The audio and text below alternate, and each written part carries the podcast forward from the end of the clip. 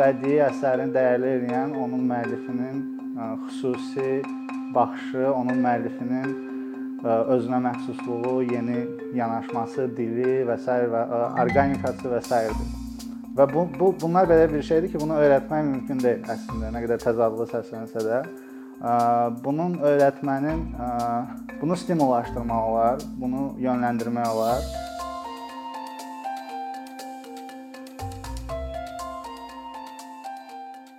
Cibli studiyası 1987-ci ildə qurulub Eldar Quliyev tərəfindən, onun təşəbbüsü ilə.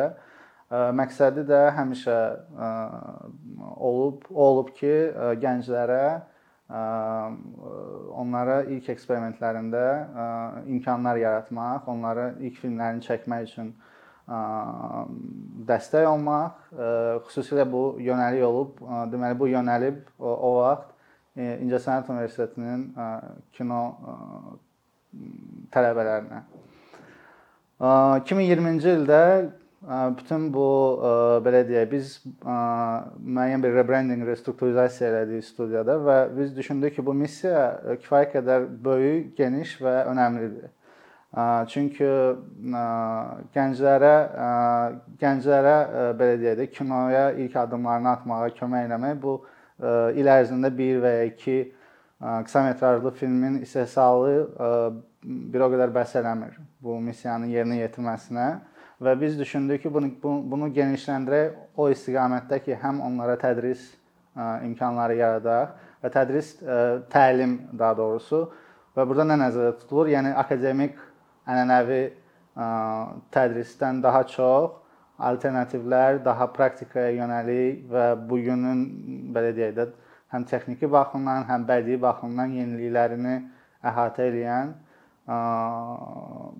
workshoplar, master klasslar, təlimlər və s. və axır. Və keçən ilin əvvəllərində bunları pandemiyanın imkan verdiyi dərəcədə tətbiq etməyə başladıq. Cəbir studiyası Azərbaycan Respublikası Mədəniyyət Nazirliyi tərəfindən dəstəklənir və maliyyələşir. Və bu səbəbdən bizim biz çox sevinirik ki, biz təlim tədris materiallarını, bütün bu workshopları və s. təmənnasız, ödənişsiz şəkildə təqdim edə bilərik. Və bunları edərkən biz çalışırıq ki, həm əhatə eləyək o auditoriyanı ki, artıq müəyyən bir təhsili və ya müəyyən kiçik də olsa təcrübəsi var, yəni yeni başlayan filmmakerlər, kinematoqrafçılar belə deyək, onlara daha spesifik, daha texniki və xüsusi təlimləri çatdıraq, onlar üçün hazırlayaq, təmin eləyək.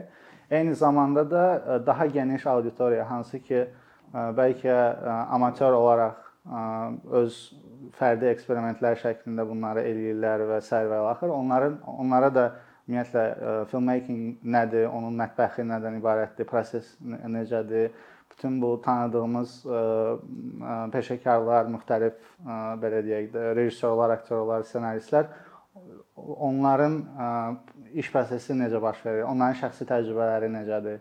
Çünki incəsənət bu belə bir sahədir ki, yəni burada ə, birbaşa texniki ə, təlim, ə, yəni işin çox mən deyərdim balaca hissəsidir, az hissəsidir.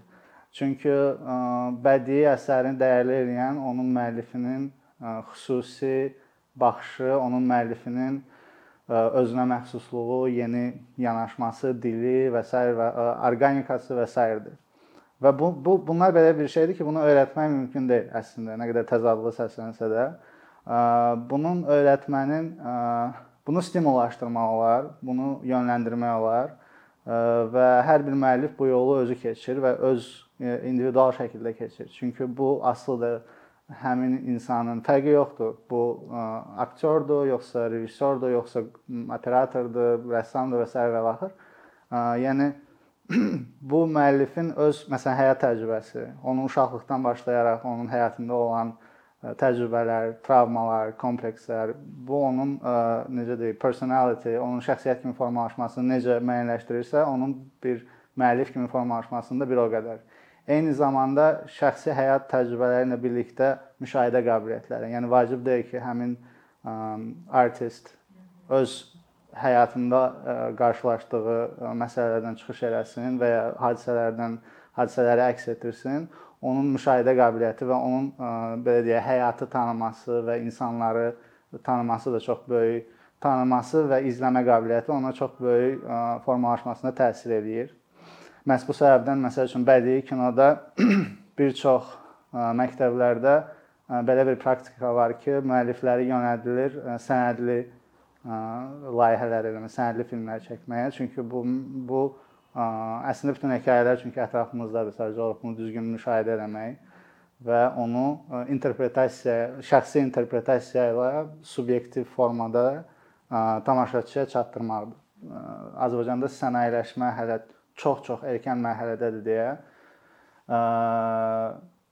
burada məsəl üçün digər işlərə də ehtiyac var və biz debütdə bunun belə deyək, gənclərə yönəlik niş belə demək olarsa formasını tətbiq etməyə çalışırıq. Məsələn, bunlardan biri mediadır. Media qolu, yəni o müəlliflər hansı ki, hər hansı bir nailiyyətlər əldə edirlər, onlara o o platformanı vermək ki, onlar öz təcrübələrini paylaşsınlar. Onlara o attention-ı, o spotu vermək ki, gələcək bundan maraqlanacaq tutam ki, film tələbələri, yeni başlayanlar üçün hansısa motivasiya, hansısa məlumat xarakterli paylaşımlar olsun. Yəni bu funksiyanı bir qismən yerinə yetirir. Digitalizasiya film çəkilişini nəzərə olaraq asanlaşdırdı və indi daha kompakt komandalarda və çox kiçik büdcələrlə bir çox filmlər çəkilir və bunların və tez-tez onlar uğurlu olurlar. Amma bu o demək deyil, yəni istənilən halda müəyyən bir komanda işi tələb olunur və o komanda sadəcə olaraq əllər, sadəcə olaraq funksional komanda deyil, bu həm də entuziazm olan və belə deyək, həmin müəlliflə hansının ki, filmini çəkməyə, məsələn, ərsəyə gətirməyə kömək edirlər, həm fikir ola biləcək. Məhz onun spesifik ssenarisini və görüşünü, vizionunu belə demək olarsa qəbul edən və onun ətrafında birləşib ona kömək edən bir komanda formalaşmalıdır çəkiliş üçün. Bu komandada biz platforma rolunu oynamağa çalışırıq debütdə ki, həmin insanları bir araya gətirək, onları kömək eləyək ki, həmin o qruplar yaransın və və ideyası olan müəlliflər onu artıq ərsəyə gətirməyə başlasınlar. Debütdə biz çalışırıq düz pandemiya ilə bunu biraz ehtiyatlı etməyə çalışırıq. Amma istənilən halda bu planda var bunu daha genişləndirmək. Open Doors açıq qapılar günü və yaxında da bu keçiriləcək. Harda ki biz müxtəlif filmmakerlərə onların layihələri ilə bağlı ən azından feedback vermək, bu ideyadırsa, ssenari istiqamətində ssenarisi, onun inkişafı, daha inkişaf etmiş ssenarisi, çəkiliş imkanları, komandası və s. ilə bağlı. Və bu bu bunları mən niyə danışıram? Demək istəyirəm ki, yəni Bu çox geniş və mürəkkəb və kompleks proseslərdir və bunların hamısı və təbii ki, bunlar birdən-birə qısa müddətdə nəticə gətirmir. Amma biz inanırıq ki, bunu hər tərəfli eləməklə bu çox daha böyük effekt gətirir, nəinki bir istiqamətli.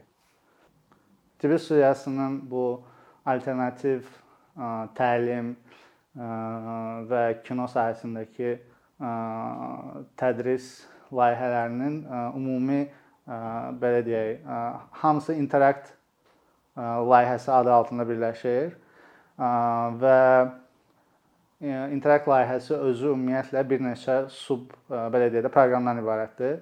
Bunlardan biri Interact Online idi, hansı ki, keçən il biz 9 beynəlxalq dərəcəli peşəkarlar müxtəlif sahələrdən master klasslar keçdi və çox böyük maraqla qarşılandı. Orta hesabla hər master klassda təxminən 150-200 arası dinləyici olurdu, əvvəlcədən seçilmiş və bu yarısı leksiya, əsasən yarısı da sual-cavab qismində keçirilirdi. O, o qonaqlardan ən məşhuru da Rusiyalı rejissor Andrey Zagintsev idi. Bu il biz Interact Online-ın ikinci mövsümünü hazırlamışıq artıq və onun proqramı da hazırdır, mövzusu da, təlimçisi də və qonaqlar məsələsi üzərində hal-hazırda iş gedir və yaxında onlar da dəqiqləşib artıq elan olunacaq seçim bu, bu ikinci sezonun workshopuna bağlı və ora qəbulla bağlı. Eyni zamanda Interact deməli layihəsi altında növbəti inisiativlərdən biri Interact TV-dir. Bu 10 dəqiqə ətrafında uzunluqda müxtəlif peşəkarlarla, yerli əsasən peşəkarlarla söhbət, onların hansı spesifik mövzularda öz şəxsi təcrübələrini və məsləhətlərini paylaşdıkları bir belə deyək, yarı informativ, yarı əyləncəli, populyar formatdır və bunu da nəzərdə tutmuşuq. Məhz o çox da spesifik yox, daha nisbətən daha geniş auditoriyalar. Üçün ki, onlarda təsəvvür yaratmaq ki, ümumiyyətlə film ekranda gördüyümüz o 2 saatlıq hekayənin arxasında nələr var, kimlər işləyir və bu proses necə baş verir. Interact layihəsinin hazırda bizim elan etdiyimiz proqramı Intern Act təcrübə proqramıdır. Nədən irəli gəlir bu? Ümumiyyətlə bunun bizim bu belə deyək də ideya və bu proqramın təqdim olunması. Çünki ölkədə hal-hazırda kadr çatışmazlığı kifayət qədər, yəni ciddi problemdir kino istehsalında kadr çatışmazlığı dedikdə kvalifikasiyalı və düzgün belə deyək də peşəkar şəkildə bunun təlimini almış və düzgün belə deyək peşəkar prinsiplərlə işləyən və müəyyən müvafiq təcrübəyə malik olan kadrlardan söhbət gedir. Və hal-hazırda məsəl üçün eyni vaxtda iki böyük miqyaslı çəkiliş prosesi olanda, yəni tam metrajlı film və ya hansısa iri miqyaslı bir digər layihə bu ikinci çəkilişin heyətini formalaşdırmaqda belə ciddi problemlər yaranır. Və vəziyyət o, o həddə çatır ki, hətta insanlar gözləməli olurlar kiminsə boş olmağını ki, onlar müvafiq olaraq komandada belə deyək də təcrübəli peşəkarlarını peşəkarları cəlb edə bilsinlər. Və bizim belə deyək, debütdə biz düşündük ki, bu ilin əvvəlində elədiyimiz, hazırladığımız layihələr və planlarımız bir tərəfdən müəllifləri əhatə edirsə, digər tərəfdən industrializasiya, yəni sənayeləşmə və onun inkişafı istiqamətində də işlər görməliyik. Və burada da gənclər belə deyək, Azərbaycanda bu generation gap, bu nəsillər arası yaranmış boşluq, Sovetlərin dağılması, müharibə və bütün o çətin illərdən sonra yaranıb.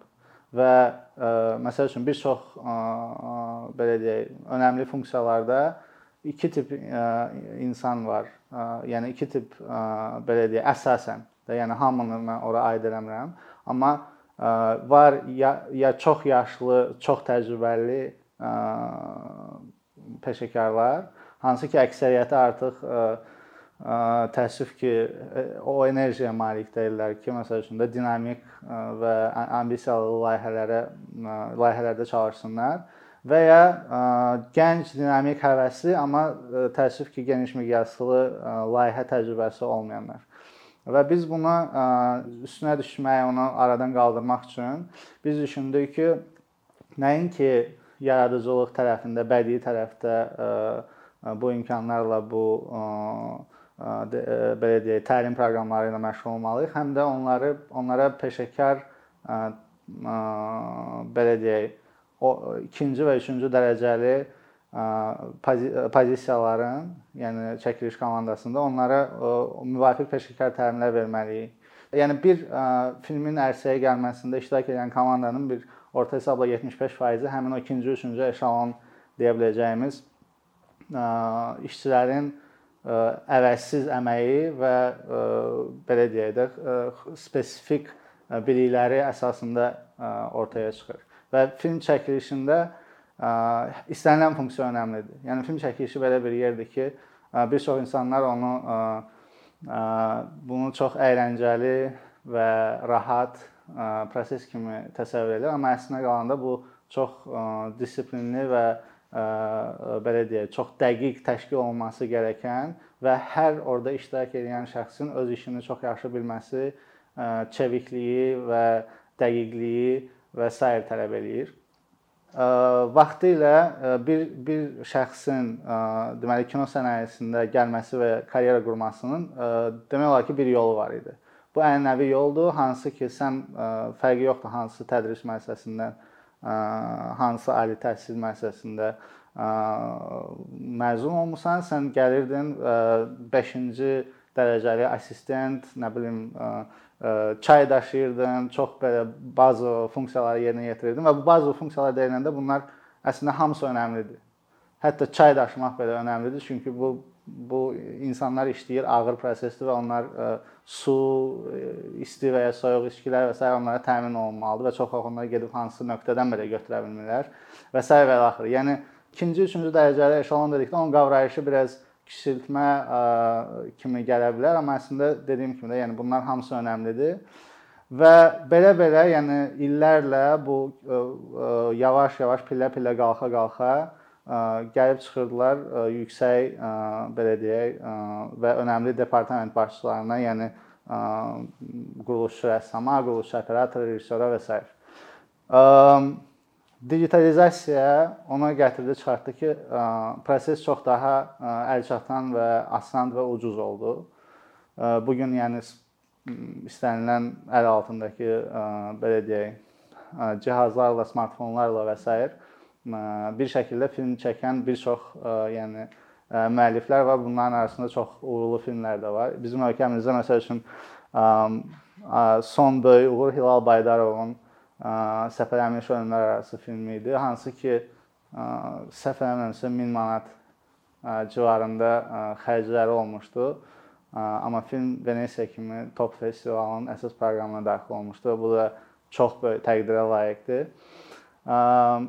Və e, indi sözümü e, ona gətirirəm ki, e, hal-hazırda bu qeyri-ənənəvi yol da var müəlliflər üçün. Onlar hansısa kino tədrisi alıb kiçik layihələrdə amma quruluşçu kimi işləyə bilirlər. Düzdür, həmin ortaya sual çıxır ki, onların qazanc mənbələri nə olur və bir də baxırsınız ki, məsəl üçün bu gün bütün dünyada freelance işləmə təcrübəsi artır və s. və onlar vacib deyil ki, gedib məsəl üçün kino meydançalarında işləsinlər. Onlar digər işlərlə məşğul olub və paralel olaraq öz filmlərini çəkə bilirlər. Bunun bu bu da bir yoldur və bunu müqayisə etmək çətindir, hansı yaxşıdır, hansı pis. Yəni ənənəvi o pillə-pillə gəlməklə. Amma bu yolda şübhəsiz ki, bir dənə böyük ə, deməli çatışmazlıq o olur ki, ə, müəlliflər həmin o yaradıcı şəxslər bədii mənada bir xeyli mənada inkişaf eləmələrinə gətirir. Amma eyni zamanda böyük proses, yəni gec və ya tez onların qarşısına belə bir layihə çıxır. İstər bu kommersiya xarakterli olsun, istər ə, bədii layihə olsun və s. Yəni ə, və orada bu prosesin bil, bilməməkləri ya bu prosesdə, yəni böyük çəkiliş prosesində bütün bu departamentlər, o workflow, iş axışı bilməmələri onlara ə, mane olur öz layihələrini uğurlu şəkildə eləməyə. Məsəl üçün ə, bir çox Azərbaycanda son dövrlərdə uğur qazanmış ə, müstəqil müəllif, ə, müstəqil kino adına da uğur qazanmış. Onlar ə, çox kompakt 4, 5, 8, 10 nəfərlik ə, ə, belə deyək komandalarda çalışıblar. Və Amerikada da məsəl üçün bu, bu e, bir çox misallar var ki, bu bu bu tip uğurlu e, və özünə məxsus dilə malik, maraqlı müəlliflər onlara təklif olunan ilk böyük layihələrdə o prosesin altında qalırlar. Və biz düşünürük ki, və mənim şəxsi təcrübəmdən deyə bilərəm ki, mən e, bunları balanslaşdırarkən bu iki yolu, yəni bir tərəfdən həm mümkün qədər çox layihələrdə çalışıb o prosesi öyrənmək və prosesi də öyrənmək bir layihədə alınmır. Çünki hər layihə, hər film çəkilişi çox spesifik təcrübədir. Çünki ssenaridən irəli gələrək rejissorun onu necə canlandırmağından, operatorun necə çəkməyinə irəli gələrək çoxlu spesifika var. Hətta eyni eyni tip səhnəni və eyni qarşıya qoyulmuş estetik belə deyək məqsədi müxtəlif operatorlar müxtəlif sayda cihaz, işıq və yanaşma ilə eləyə bilirlər. Bu onlara fayda verəcək. O, o, o tərəfini də ə, e, belə deyək, daha yaxşı ə, e, ə, e, yəni müəllif kimi də inkişaf eləməyə. Eyni zamanda da prosesi öyrənmiş olacaqlar. Çünki mən inanıram ki, bu gün bu gün hər bir ə, filmmaker ə, bu mətbəxi çox ə, belə deyək, detallı şəkildə qavramalıdır, bilməlidir. İkinci bir sual odur ki, ə, hamı bu nə qədər belə ə, qəribə səslənsə də hamı quruluşçu, rejissor və ya operator və ya rəssam və ya ssenarist və s. olmaq məcburiyyətində deyil. Yəni məsələn film school-da belə bir effekt var. İlk bakalavra qəbul olunanda ilk ildə hamı hamı olmasa da bir 80% rejissor olmaq məqsədi ilə ora gəlir. Və bu da nədən irəli gəlir? Təbii ki, onların bu prosesin nə qədər mürəkkəb, böyük və şaxəli olduğunu və əslində filmmakingin kollaborativ bir bədii proses olduğunu məsəl üçün anlamırlar. Məsələn, onun tədrisini aldıqca daha çox başa düşürlər ki, əslində onlar özünü daha çox quruluşçu rəssam kimi məsələn görürlər və ya daha çox özünü operator kimi görürlər və ya montajçı kimi görürlər. Çünki bunlar hamısı bədii funksiyalardır. Bu daha geniş müzakirə mövzusudur, amma Azərbaycanda ümumiyyətlə film prosesində bir çox insan təəssüf ki, yəni mən bunu təcrübəlilər arasında da bəzən eşidirəm ki, texniki tərəfini görürlər və özlərini texnik kimi görürlər prosesdə, nəinki bir müəllif kimi. Və bunu da niyə görə deyirəm? Və mən düşünürəm ki, bir çox insan, yəni film sənayedir və sənaye dedikdə nəzərdə tutulur? Bu gün belə deyək, generik mənada öz karyeralarını müxtəlif sahələrdə görən insanlar Az qala bütün o sahələrin hamısı film sənayesində də onun ə, e, tətbiqi var. Hüquqşünasından tutmuş, iqtisadiyyatçısından tutmuş, marketoloqundan tutmuş ə, e, hamısına kimi. Hələ hələ film çəkilişinin öz prosesinin içində də bir çox saylı departamentlər və sub departamentlər, funksiyalar və s. var. Ona görə ə, e, bu təcrübəni görmək, ə, o real prosesdə iştirak etmək belə bir vision verir. Yəni bu anlayış verir ki, onlar özləri qərar verə bilsinlər ki, onlar üçün daha maraqlı və daha yaxşı olan nədir.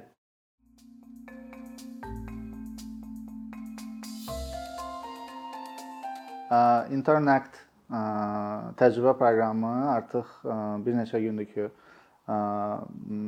ayın aprel ayının 5-dən bəri artıq elan olunub və ilk 3 gündə biz artıq 100-dən çox müraciət almışıq və hal-hazırda çalışırıq müraciətlərin sayını maksimallaşdıraq. Və niyə istəyirik ki, daha çox müraciətçi olsun? Çünki biz bunu bir dəfəlik və ya bir filmə yönəlik deyil. Hal-hazırda dəqiq planda olan növbəti bir neçə ay ərzində 2 tam metrajlı film çəkilişi planlaşdırılır. Və müraciətçilər belə olacaq. Bizim seçim mərhələsi 2 mərhələlidir. Biz onların motivasiya məktubları, CV-ləri və gördüyü hansısa ilkin mərhələli də, amatör də olsa işlər əsasında onları seçirik. Ondan sonra shortlistdəki kandidatlarla, shortlistdəki namizədlərlə biz deməli intervyu formatında son seçimləri eləyəcəyik. Müsahibələr əsasında son seçim eləyəcəyik və ondan sonra başlayacaq deməli bu prosesin birinci hissəsi hansı ki təlimdir. Təlim özü iki hissədən ibarət olacaq. Birincisi deməli nəzəri şəkildə, yəni təxminən 3 bəlkə 4 günlük deməli nəzəri hissə, harda ki onlar tanış olacaqlar bu prosesin belə deyək də düzgün iş axışı ilə, strukturu ilə hansı departamentlər, funksiyalar var və onlar film çəkiliş prosesinə, hazırlıq prosesinə hansı mərhələdən qoşulurlar, hansı mərhələdə hansı funksiyanı yerinə yetirirlər, çəkiliş vaxtı setdə iş axışı, ardıcıllığı və s. necədir? və orada olan funksiyalar nədir, nəyə cavabdehdir və önəmi nədir film çəkilişində. İkinci mərhələdə onlar müvafiq praktiki təlimlər alacaqlar. Yəni məsəl üçün nəzərdə tutulub ki, bir gün rəssam departamentində orada tanış olacaqlar hansı deməli orada rəssamlar işləyir, geyim üzrə, yəni rekvizitlərə cavabdeh olan hissə, qrup, make-up, dekorasiyalar və s. və axır. Eyni ilə məsəl üçün operator departamentində kamera üzrə hansı ümumiyyətlə funksiyalar var və neçə nəfər işləyir, nəyə cavabdeh olur, işıq üzrə, qrip üzrə və müvafiq olaraq rejissor production departamentində olan bu belə deyək funksiyalar, yəni rejissor assistentləri ardıcıllıq və digər runner köməkçi funksiyalar. Bunları mümkün qədər belə bir məşğələ, təlim, real avadanlığı, real prosesi onlara göstərəcəyi hazırda hazırlıqda olan filmlərdən birində. Bununla da təlim prosesi yekunlaşmış olacaq. Bundan sonra deməli biz onları bu seçilmiş qrupu təqdim eləyəcəyik bu önümüzdə olan deməli çəkilməkdə hazırlıqda olan filmlərin müvafiq olaraq departament başçılarına belə demək olarsa, yəni ki, prodüserlərə, ikinci rejissorlara, rəssamlara və s. və axır və onlar müvafiq olaraq oradan belə deyək öz tə, stajyorları təcrübə üçün seçəcəklər. Yəni bu belə bir hissədir ki, biz onları %100% təmin etməklə bir cavabdehlik götürmürük. Çünki bu ə, asılıdır ə, hər bir ə, film çəkilişinin fərdi ehtiyaclarından və hər bir fərdin öz necə deyək, öz bacarıqlarından və s. və axır. Onu deyə bilərəm ki, burada bizim seçəcəyimiz və biz seçərkən bir də onu demək istəyirəm ki, biz seçərkən düzdür, onu nəzərə alacağıq ki, bu çox şaxəli qrup olsun. Yəni müxtəlif deməli departamentlərdə müxtəlif backgroundlarla olsunlar ki, gələcəkdə onlar fərqli-fərqli sahələrdə öz inkişaf edə bilsinlər və o o o, namizədləri seçəcəyik ki, onlar buna doğrudan da ciddi bir gələcək peşə olaraq yanaşırlar. Sadəcə olaraq bir dəfəlik təcrübə edeyim, film çəkilişini görüm kimi yox. Çünki dediyim kimi bu bir əyləncə və s. yəni kimsə kinonu sevirsə, bu onun üçün əyləncə ondan ibarətdir ki, orada bir bədii əsər deməli ərsəyə gəlir Amma bundan başqa da bu ağır və çox dissiplinli bir həm psixoloji mənada, həm fiziki mənada bir prosesdir. Və biz çalışacağıq ki, o qrupa istənilən ordakı belə deyək, iştirakçıya maksimum bütün ən azından nəzəri hissədə, eyni zamanda da praktikdə bütün deməli funksiyalardan, bütün istiqamətlərdən o, o düzgün baza məlumatlarını verək.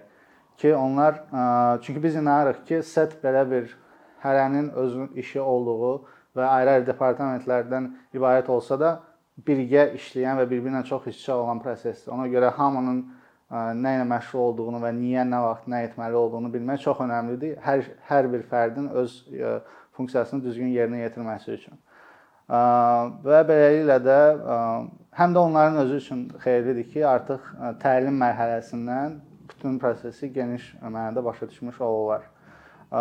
İkinci artıq təcrübə keçəndə isə onların hər şey asılı olacaq onların fərdi belə deyək çalışqanlıqlarından artıq hansısa backgroundlarından, bacarıqlarından və s. və axır. Yəni hansısa fərdlər orada bir və ya iki belə deyək ki, film çəkiliş təcrübəsindən sonra artıq tam peşəkar şəkildə və tam maaşla belə demək olarsa fəaliyyətə başlaya biləcəklər. Digərləri üçün bu daha uzun belə deyək təcrübə gərəkdirəcək və hər şey asılı olacaq onların özlərinin dediyim kimi çalışqanlığı və özlərini təqdim edə bilmə qabiliyyəti və s. Amma istənilən halda onu əlavə etmək istəyirəm ki, fərqi yoxdur. Demək olar ki, fərqi yoxdur hansı funksiyanı yerinə yetirmək. Bir təcrübəli rejissorun və ya operatorun və ya rəssamın ikinci rejissorun fərqi yoxdur. Bir təcrübəli komandanın işinə ən azından kənardan müşahidə etmək, o prosesi içdən görmək o çox böyük dəyərdir. Yəni istənilən şəxs üçün. Ona görə də mən istəyirəm ki, o gənclər ki, az hətta nəzər nəzərən özünü hətta nəzəri şəkildə özünü bu sahədə təsəvvür eləyir və ya düşünürsə, onlar çəkinməsinlər, müraciət etsinlər. Çünki bu sahə dediyimiz kimi də yeni çox belə deyək, başlanğıcdadır və kinonu sevən və çalışqan və bacarıqlı kadrlara və xüsusilə gənclərə çox böyük ehtiyac var. Müraciətlər qəbul olunur 15 aprelə qədər və ondan sonra da növbəti biz inanırıq ki, maksimum 10 gün ərzində shortlistdəki namizədlərin deməli intervyuları başa çatacaq və biz həmin o dediyimiz təlim mərhələsinə başlayacaq.